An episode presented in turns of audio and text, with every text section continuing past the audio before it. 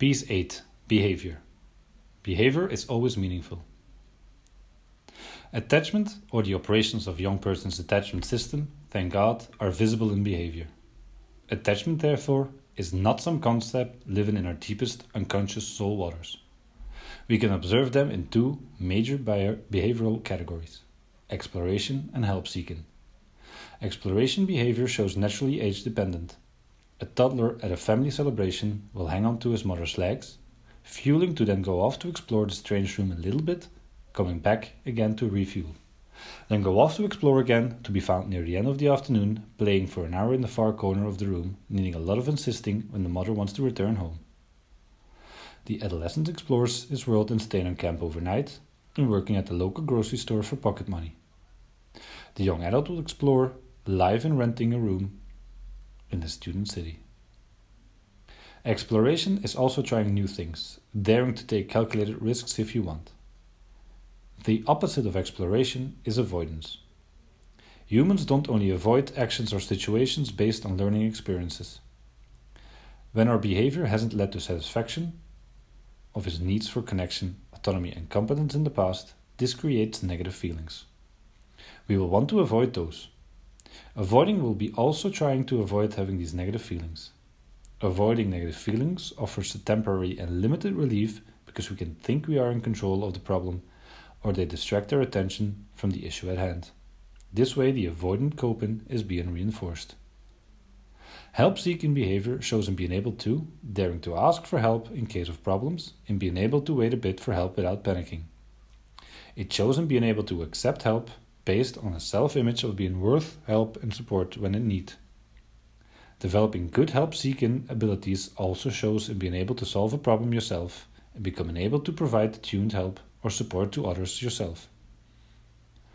Learning theory and research, one of ABC for Team's fundaments, tells us humans learning is about how people can make meaning of their environment and how they acquire control over it. Making meaning is called classic conditioning in research terminology. Acquired control is called operant conditioning. Both learning processes interact after a while in learning. They both constantly run and influence one another. Let me give you a pigeon example to clarify. When a pigeon in the lab is put in a space where a neutral bell sound predicts a yummy seed to fall into a tray where the pigeon can pick it up, you will observe the pigeon making meaning of a neutral bell sound. She will start picking into the tray the moment the bell sound rang. The pigeon has learned through classic conditioning process that the bell sounds predict food. When a button is placed above the tray and the paradigm needs the pigeon to pick the button after the bell sounds before the seed is dropped, the pigeon will learn in a few trials that she needs to pick the button after the bell sound in order to receive her so wanted seed. She now has learned through conditioning that her picking on the button when the bell rang is reinforced by getting a seat. Classic and operant learning processes, or learning through making meaning and through reinforcement, have now taught this pigeon to provide inner food's needs. How to put this knowledge at use in ABC for Teams. In ABC for Teams, we deepen our understanding of these learning processes in two ways. The first, by taking into account that humans are relational creatures and that learning always happens in relations to others and to oneself. And secondly, the mean the meaning driven people's behavior is to be found in their need for connection, autonomy, and competence. Let's talk about the first.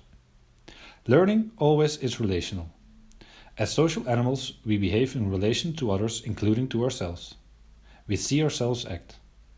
We learn from watching others. What we do teaches others. The crying of a toddler after falling down on the playground can make other children cry. When he notices the fallen child being picked up and comforted by the teacher, he learns crying can help and comfort. We want to look at the impact behavior has on the others and how our responses impact the further unfolding interactions.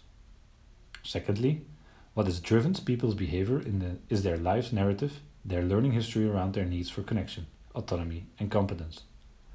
We like to use the image of the iceberg. Behavior and visible emotions is what we can be seen above the waterline. The needs driven behavior is the large chunk of ice below the water surface. The Titanic sank because it hit the part of the iceberg below the water surface. Like the Titanic, meaningful things like conflicts, pain, and happiness are inflicted on us because of what overt actions do to our need for connection, autonomy, and competence. So, in ABC for Teams, we try and make sense of behavior, including overt emotions, by hypothesizing about what might have been and still is at play below the water level, and how they are constant interaction loops between people between above and below the water level. In mental health care, we have the culture to estimate and even predict behavior. Another example. Before granting a weekend pass in inpatient care, we assess the suicide risks, we determine suicide codes from 1 to 4, and so on. We haven't predicted one suicide in time, have we? So, based on the iceberg knowledge, might it not be more helpful to try and estimate what a young person needs to keep a weekend pass safe, to reduce harm when going out, when being addicted, when in love with the wrong boy? And for those estimations, look for what he needs so he can feel connected, autonomous, and competent. The relational aspect of learning and needs driven our actions, the first and the second, are at play, always, constantly. Think of the image of Sue Johnson's lemniscate. In the lemniscate, starting above water, we ask ourselves and each other what happened in the context. What did the young person do? What did he show? How did this impact his mother's iceberg below water level? How did this impact his mom's need for connection with her son, need of competence as a mom, and autonomy as a woman? What did this meaning make her do? How did she react? What did she show of emotions? How did she impact this young person's needs to be close to her, to be a big boy knowing how to handle things? When you want to know more about the iceberg and the waterline, you might need to broaden the picture in talking to young persons. Especially when stressed out or in need, people tend to have blinders on. They tell you the story of events biased by their scripts and information processing. People can go into a tunnel vision, so ask about what happened before and how did things proceed after you got a kick from. We explain to young persons about learning. We tell them growing up, learning new things can increasingly feel uncomfortable. When it does, you are okay. Learning new things, as is healing, happens beyond the comfort zone. We explain learning can be impaired due to their brain having switched to survival mode. We tell them that yes, indeed, humans cannot unlearn. They can only learn something new and repeat this enough so the new action becomes primary. We use the image of a field track. If only one bike a month passes, the track quickly gets covered by plants and weeds again. If a bike a day passes, the track becomes broader, more visible, and easier to ride. We want to get help seeking behavior back in business. In order for any treatment to happen, let alone work, we need them to signal their distress in a way we can understand, to ask for help, to be able to wait for a bit, to accept it. Facilitating their attachment app coming back online is our first priority in every admission, also in crisis admissions. In many cases, we need to restore trust in professional caretakers as well. Trust that we are engaged to help them, that our interventions come from a place of care, and that we are trained as guides on difficult mountain territory. So, trust, not exclusive idealization, not you are a perfect mother, you can save me. We could always remember we are transitional and so by design temporarily attachment figures on their path. From the start of every professional uh, help in alliance with young persons, we need to bring in temporariness and handing it back to the real outside life as parts of the framework.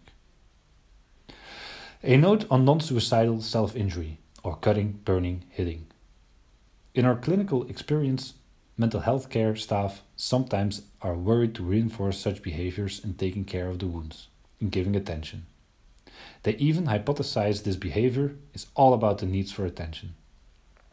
Ask the young person what purposes this self harming behavior.